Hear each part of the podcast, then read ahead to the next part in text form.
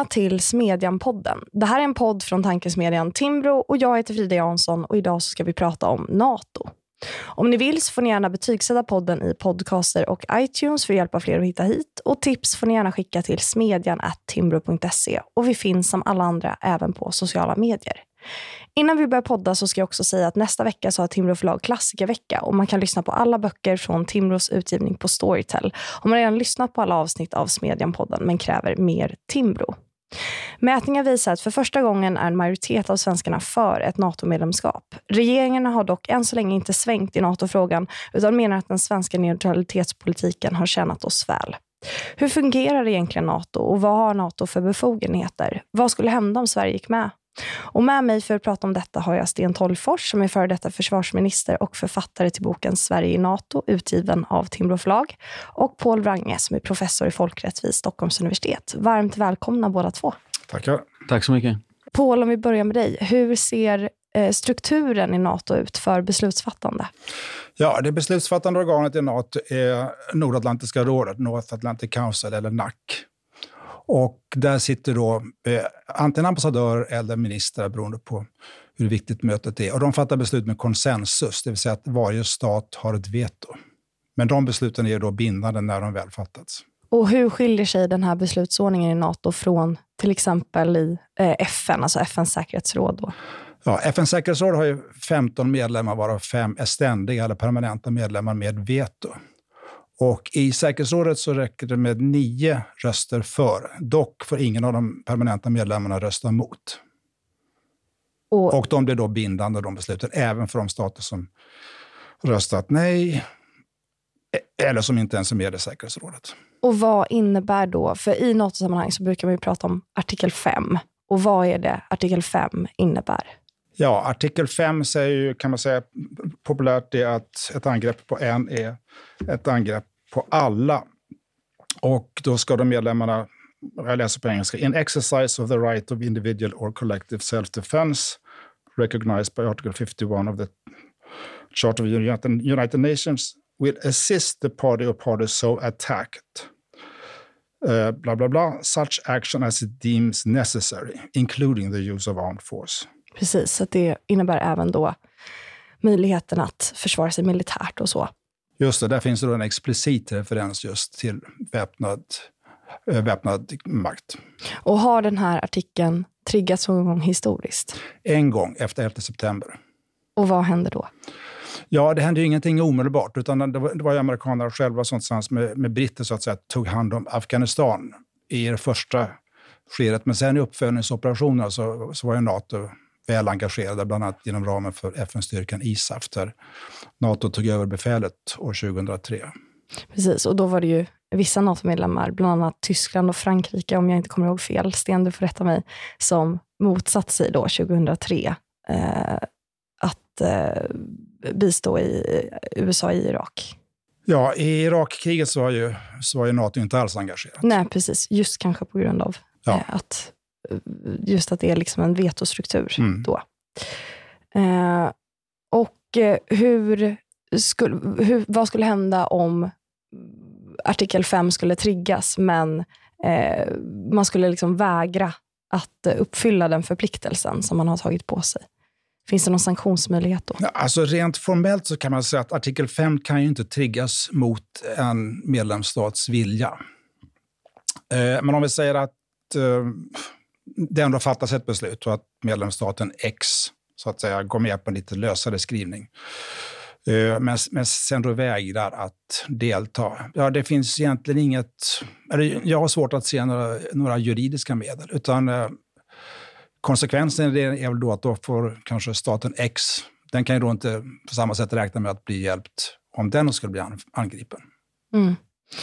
Ehm, det har ju diskuterats också eh, lite de här dagarna kring eh, ett EU-försvar och EUs eh, så att säga, militära möjligheter. Ehm, hur skiljer sig grunden för det som finns i EU-samarbetet i fördraget? Hur skiljer sig det från NATO? Ja, det finns en bestämmelse där eh, i artikel 42.7 i EU-fördraget. Den kom till i Lissabonfördraget 2008.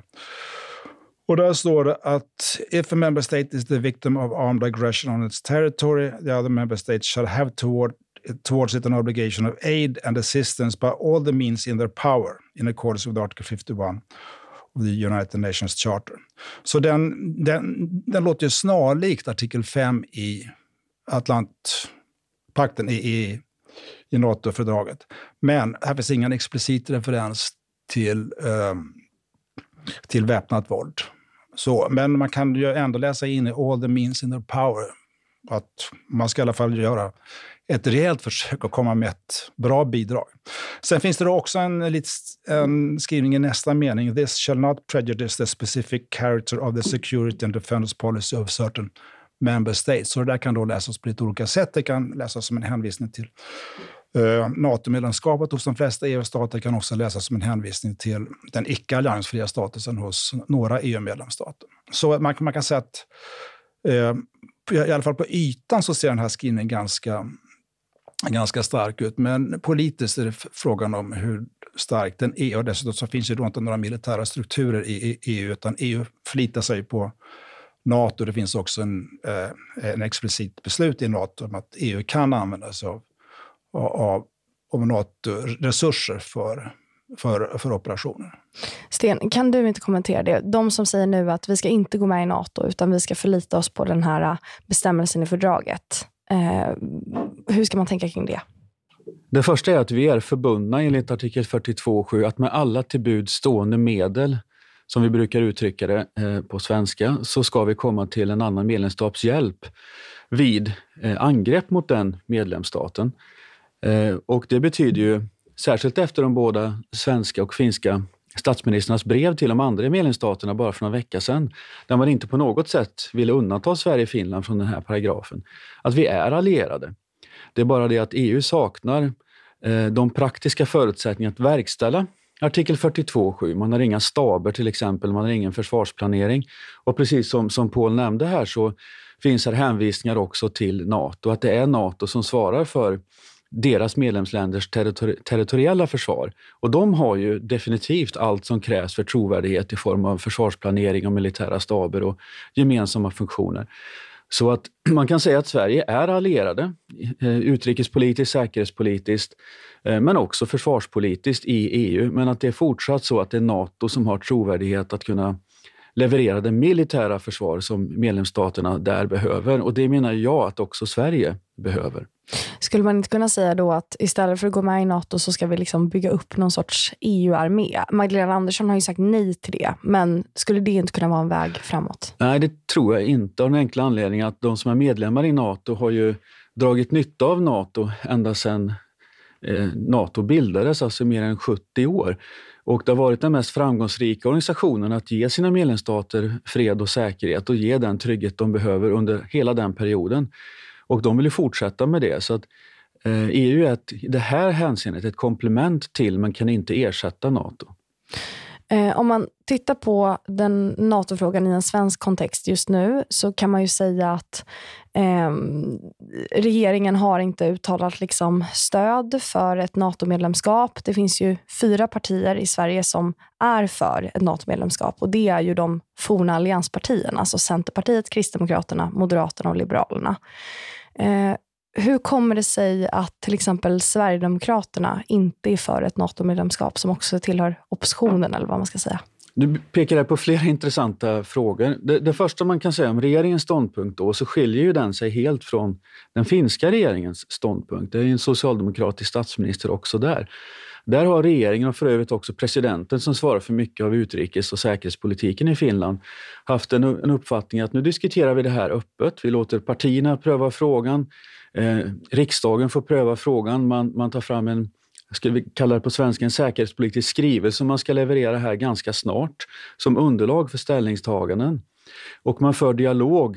Den finske presidenten för dialog direkt med världens stora ledare nu, till exempel Joe Biden i USA och så där man resonerar kring de här frågorna för att få koll på processen och att bygga sitt eget kunskapsunderlag. När detta är framme kommer säkert både president och statsminister ta ställning. Och mycket tror jag pekar mot att Finland kommer före NATO-toppmötet den 29 juni faktiskt ta ställning för ett medlemskap. I Sverige är det inte så.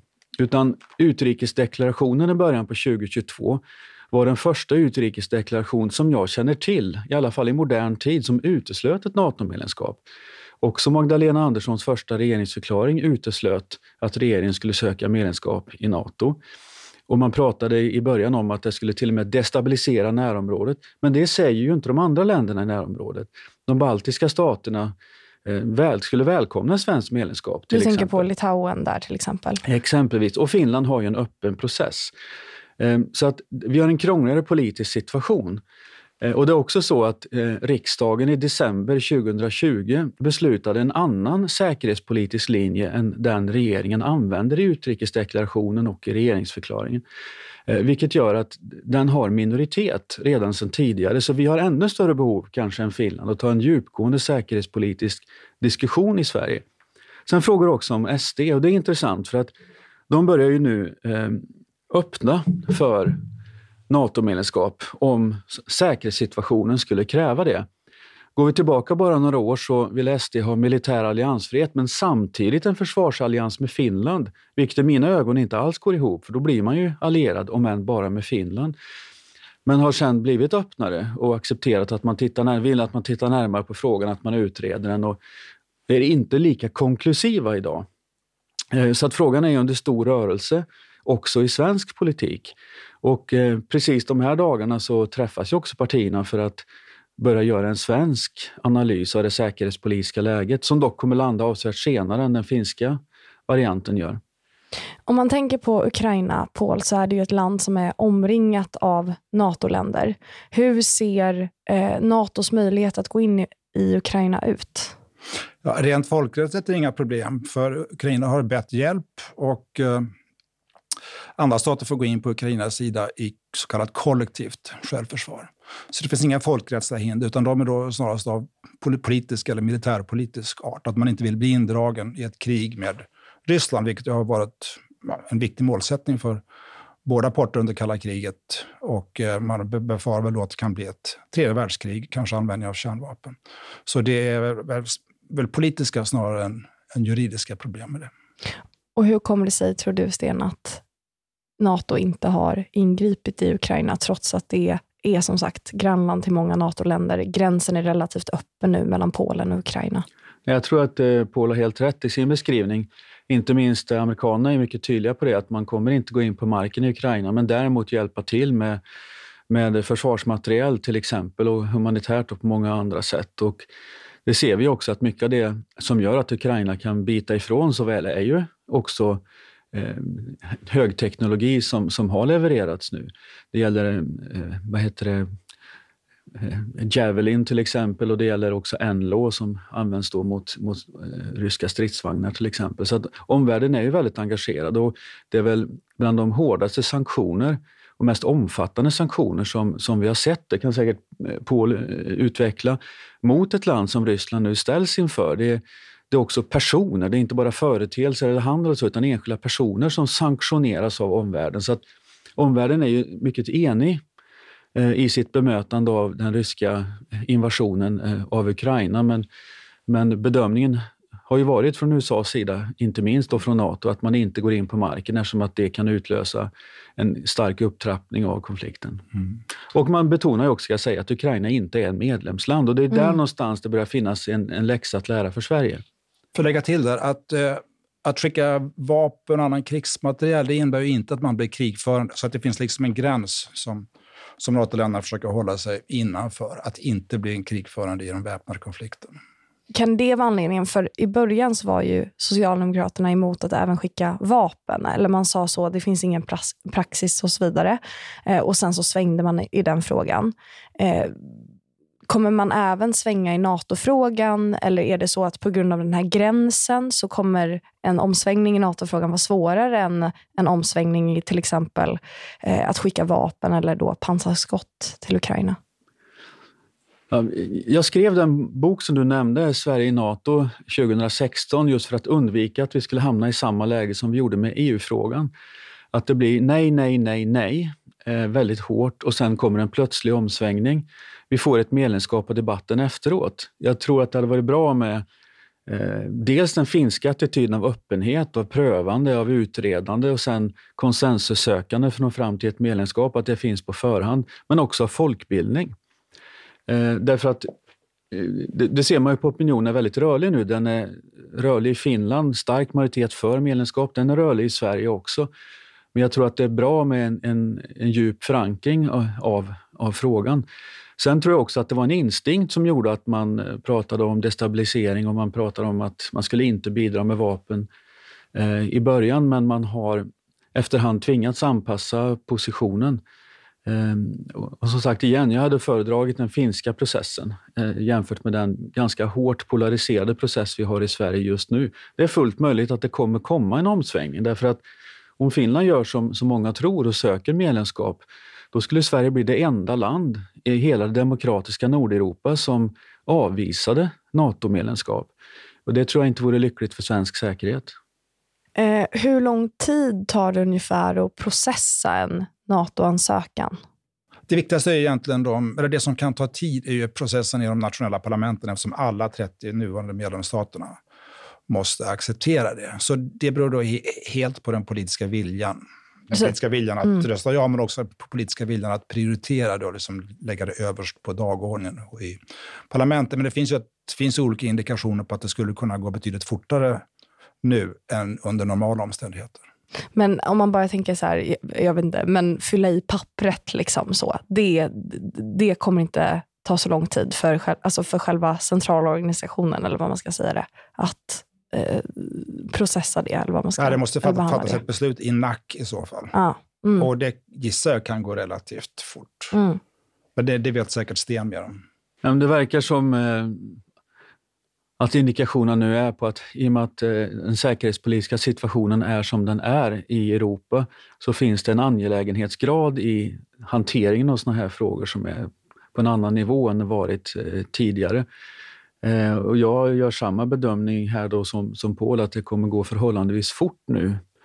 Eh, för Finland om de söker, det skulle också göra det för Sverige eh, om vi sökte. Och det som händer i mellanperioden, det är ju eh, sannolikt och möjligen och förhoppningsvis att enskilda länder som till exempel USA eh, ger, eh, vad ska man kalla det, temporära säkerhetsgarantier i väntan på ett medlemskap. Efter, efter en ansökan men före det formella medlemskapet. Att man man blir de facto en i organisationen.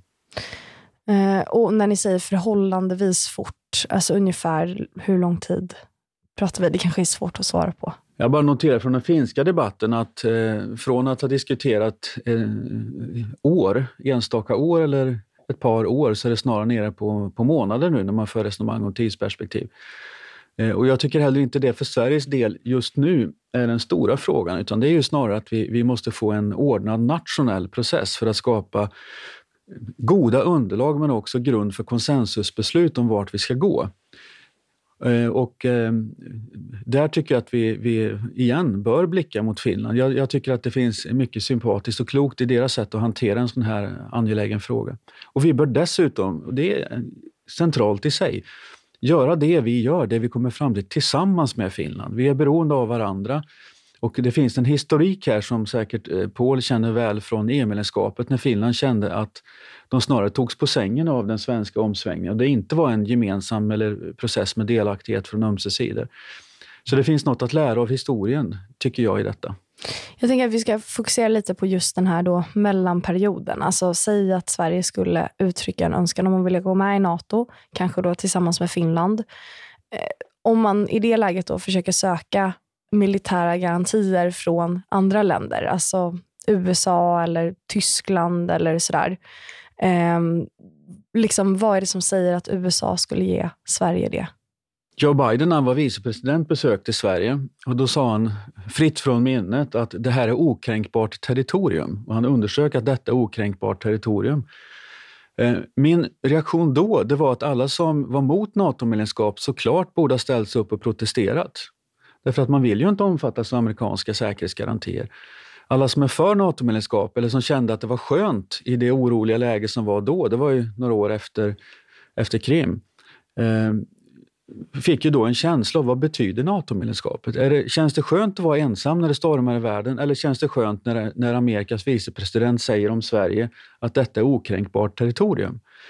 Men eh, jag tror att det, det, är en bra eh, tidpunkt att gå mot medlemskap just därför att Joe Biden är president. Han har eh, sedan tidigare eh, ett stort intresse för och en sympati för inte minst eh, Sverige eh, och ett engagemang i Europa. Man kan ju jämföra bara med hur Trump såg på Nato. Han återförsäkrade aldrig artikel 5 i Nato eller USAs engagemang. Han såg EU som en konkurrent. Och han hade en väldigt transaktionell syn på utrikes och säkerhetspolitik, det vill säga det var en byteshandel. Man gjorde ett kortsiktigt avtal där han skulle få någonting. Sen gick det en tid, då ville han ha något annat och så skulle det bli ett nytt avtal. Så är inte Joe Biden. Han är eh, tillbaka i det som vi har varit vana vid, en, en värderingsstyrd eh, utrikes och säkerhetspolitik. Det vill säga att vi delar värden, man slåss för frihet, demokrati och sådana saker. Eh, rättsstat och mycket engagerad eh, för Nato artikel 5 och dessutom ser EU som en partner. Så det är liksom en helt annan situation just nu eh, än men, det var för bara några år sedan. Men hur stort inflytande har den amerikanska presidenten på Nato? Alltså hur stor betydelse har det vem det är som innehar posten? Jättestor. I och med att eh, det är USA som är så att säga, Natos garant. Det är genom USA som är det överlägset militärt starkaste landet i Nato som ytterst artikel 5 får sin trovärdighet. Men om man tänker sig, i och med att det finns den här vetostrukturen som du beskrev, beskrev Paul, så kan man också tänka sig att man bara skulle kunna sätta sig på tvären eh, om det var en president som eh, var dålig, eller vad man ska säga. Ja, alltså, så, vad, så vad är det som gör att det har stor betydelse? Alltså, det är egentligen den eller det är väl den mest oundgängliga rösten av de, av de 30 i Nato. Men utan USA så blir det knappast någon, någon NATO-operation. Eh, så eh, andra stater har krånglat ibland. Grekland till exempel deltog inte i Kosovo-operationen. Det var inte en artikel 5-operation, men det var ändå en NATO-operation. Och då, då deltog inte Grekland. Eh, men USA kan knappast vara utanför om det ska vara en, en NATO-operation, framförallt inte om det handlar om territorialförsvar i, i Europa. Eh, Sten, du var inne lite på den här finska debatten som du ser som en stor förebild. Mm. Eh, hur kommer det sig att Finland har en annan debatt eller kanske en annan attityd. Om man tänker på eh, bara stödet för Nato i befolkningen så har ju Finland till exempel eh, visat upp ett mycket lägre motstånd och, och ett större stöd eh, än vad den svenska befolkningen har gjort. Hur kommer det sig? Finland har 134 mil landgräns mot Ryssland och eh, man har en, en historik som vi väl känner eh, av krig där man fått försvara sitt land just mot Ryssland. Och man ser ju att eh, det som nu sker eh, i Ukraina, det ryska kriget mot Ukraina och i Ukraina, det är någonting som ritar om den säkerhetspolitiska kartan. Det finns ett före och ett efter den 24 februari 2022. Det blir inte samma Europa än som det skulle vara så att kriget avslutades eh, imorgon. Därför att Ryssland har både i praktiken genom att eh, gå i krig, ett anfallskrig, olagligt enligt FN-stadgan, eh, och dessutom genom att begå eh, brott mot den humanitära rätten. Till exempel genom att attackera bostadsområden, sjukhus och liknande i Ukraina. Eh, visat flagg. Om man eh, går tillbaka lite till så redan innan de gjorde den militära, det militära angreppet på Ukraina så lämnar man ju skriftligen den europeiska säkerhetsordningen. Man, man la fram eh, i, i, skrift alltså nya fördrag som skulle reglera säkerheten i Europa som inte var förhandlingsbara. Jag tror att man, man gravt överskattade sin egen politiska och militära styrka och att Ryssland kommer gå starkt försvagat ur detta, vilket inte hindrar att det finns risk för både upptrappning, för eh, ännu större förluster av eh, civila liv Eh, och att det här kan bli utdraget och ännu allvarligare. Men det är svårt att se någon situation när Ryssland går starkare ur detta. Eh, ett svagare Ryssland är inte nödvändigtvis mindre farligt. Eh, och Det gör att Europa måste förbereda sig på vad kommer efter. Vad är konsekvenserna av Ukraina-kriget? Jag tror att Finland tydligare och tidigare än Sverige tagit in detta vad, vad, vad 24 februari faktiskt betydde för den långsiktiga säkerheten i Europa. Och då handlar det om på vilken sida vill Sverige stå? Eh, och det är alldeles uppenbart för mig i alla fall att vi vill stå med våra grannländer med vilka vi delar värderingar. Hur kommer det sig att man inte har gått med då, Finland? Om det finns den här, det här närminnet och ja, men just gränsen mot Ryssland och så. Om man jämför det till exempel med eh, Lettland, Estland, Litauen. Man, har ju en, en, en, annan historik både än vad Sverige har och för den delen även de länder du, du nämner. Men säkerhetspolitik handlar ju ytterst om att värna landets oberoende, demokrati, säkerhet. Och därför så är Finland, de har ju haft en NATO-option där man öppet i sitt regeringsprogram skriver att man, man bevarar möjligheten att söka medlemskap i NATO om situationen förändras och nu har situationen förändrats. Och det är någonting som den svenska riksdagen ville införa då i december 2020 och faktiskt röstade en majoritet för att vi skulle ha en svensk NATO-option. Det vill säga möjligheten att skulle den säkerhetspolitiska situationen förändras så ska det kunna resultera eh, i en omprövning av relationen till Nato. Så för, för Finland så man följer helt enkelt det man tidigare har sagt och sagt under ganska lång tid dessutom, att, att man har denna optionen att gå med i Nato om, om, om läget förändras. Men vi i Sverige har haft ett nej. Och eh, det är kanske därför som situationen är lite svår att hantera här i Sverige, må hända. Alltså man kan säga att situationen under kalla kriget var ju ganska annorlunda. Finland hade sitt fredsavtal med Sovjetunionen från vad var det, 46 eller 47 som band dem ganska hårt. Det fanns en rysk bas på finsk mark etc. Eh, den svenska linjen var ju i alla fall delvis betingad av att, så att säga, inte äventyra Finlands oberoende. Och för dem, de, de, de gjorde bedömningen då att under kalla kriget så var deras bästa, bästa val det var att, att ha en neutral, en politisk neutralitet. Efter kalla krigets slut så förändrades ju det där radikalt. Och för att de tre baltiska staterna vill in i Nato så fort som möjligt, inte, inte så svårt att, att förstå. Medan, jag vet inte hur man bedömde situationen i Finland, men man tänkte nog att Ryssland var försvagat och att det var lika bra att sitta stilla i, i båten, så att säga. Men det, det vi ser nu är ju sånt den största, om, eller största försök till omgörning av Europas säkerhet sen eh, andra halvan av 40-talet när, eh, när järnridån upprättades. Hur, Så det är något oerhört. Ja, precis. Hur tror ni att eh, Rysslands invasion av Ukraina har påverkats av Nato? Eh, och hur tror ni att Ryssland tänker kring Nato, eller Putin kanske, just nu? Ja, det är, först kan man säga att eh, Ryssland har aldrig anfallit något NATO-land.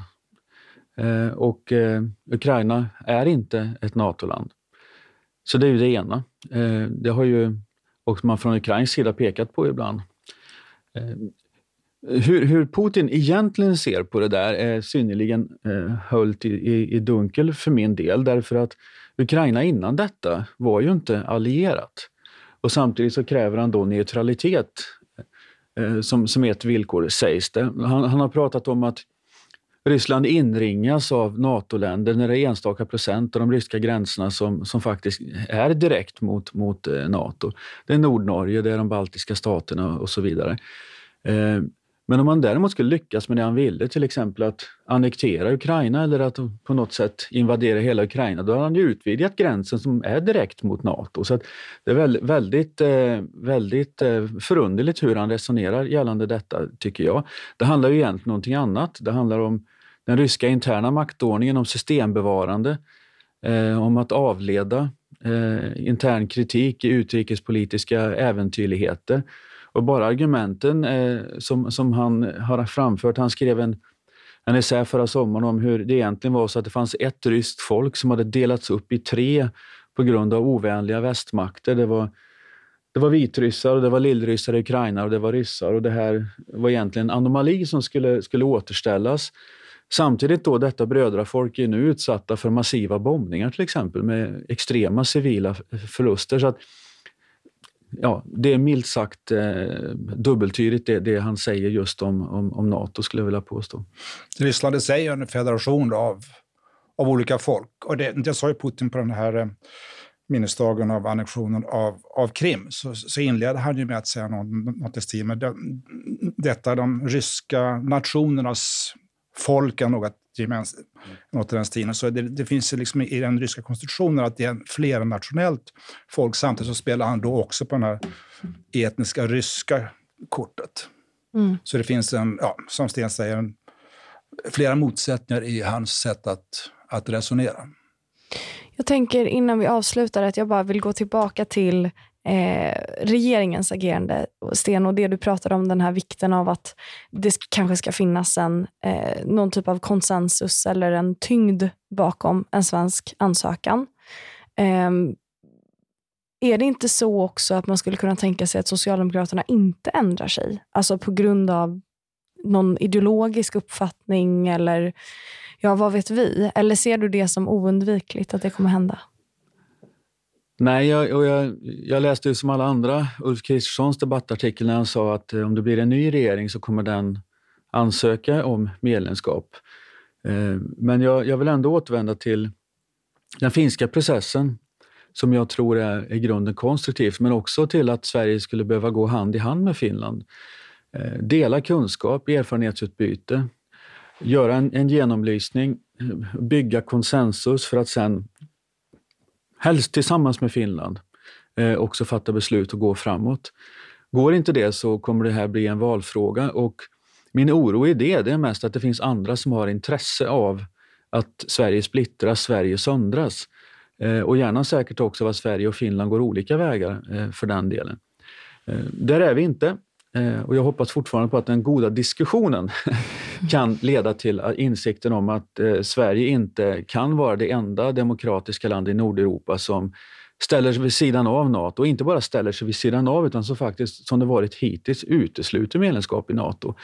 Eh, vi behöver en helt annan och öppet prövande säkerhetspolitisk diskussion.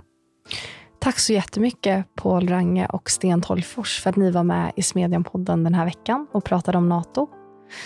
Och eh, vi hörs ju som vanligt nästa vecka. Tack så mycket. Hej!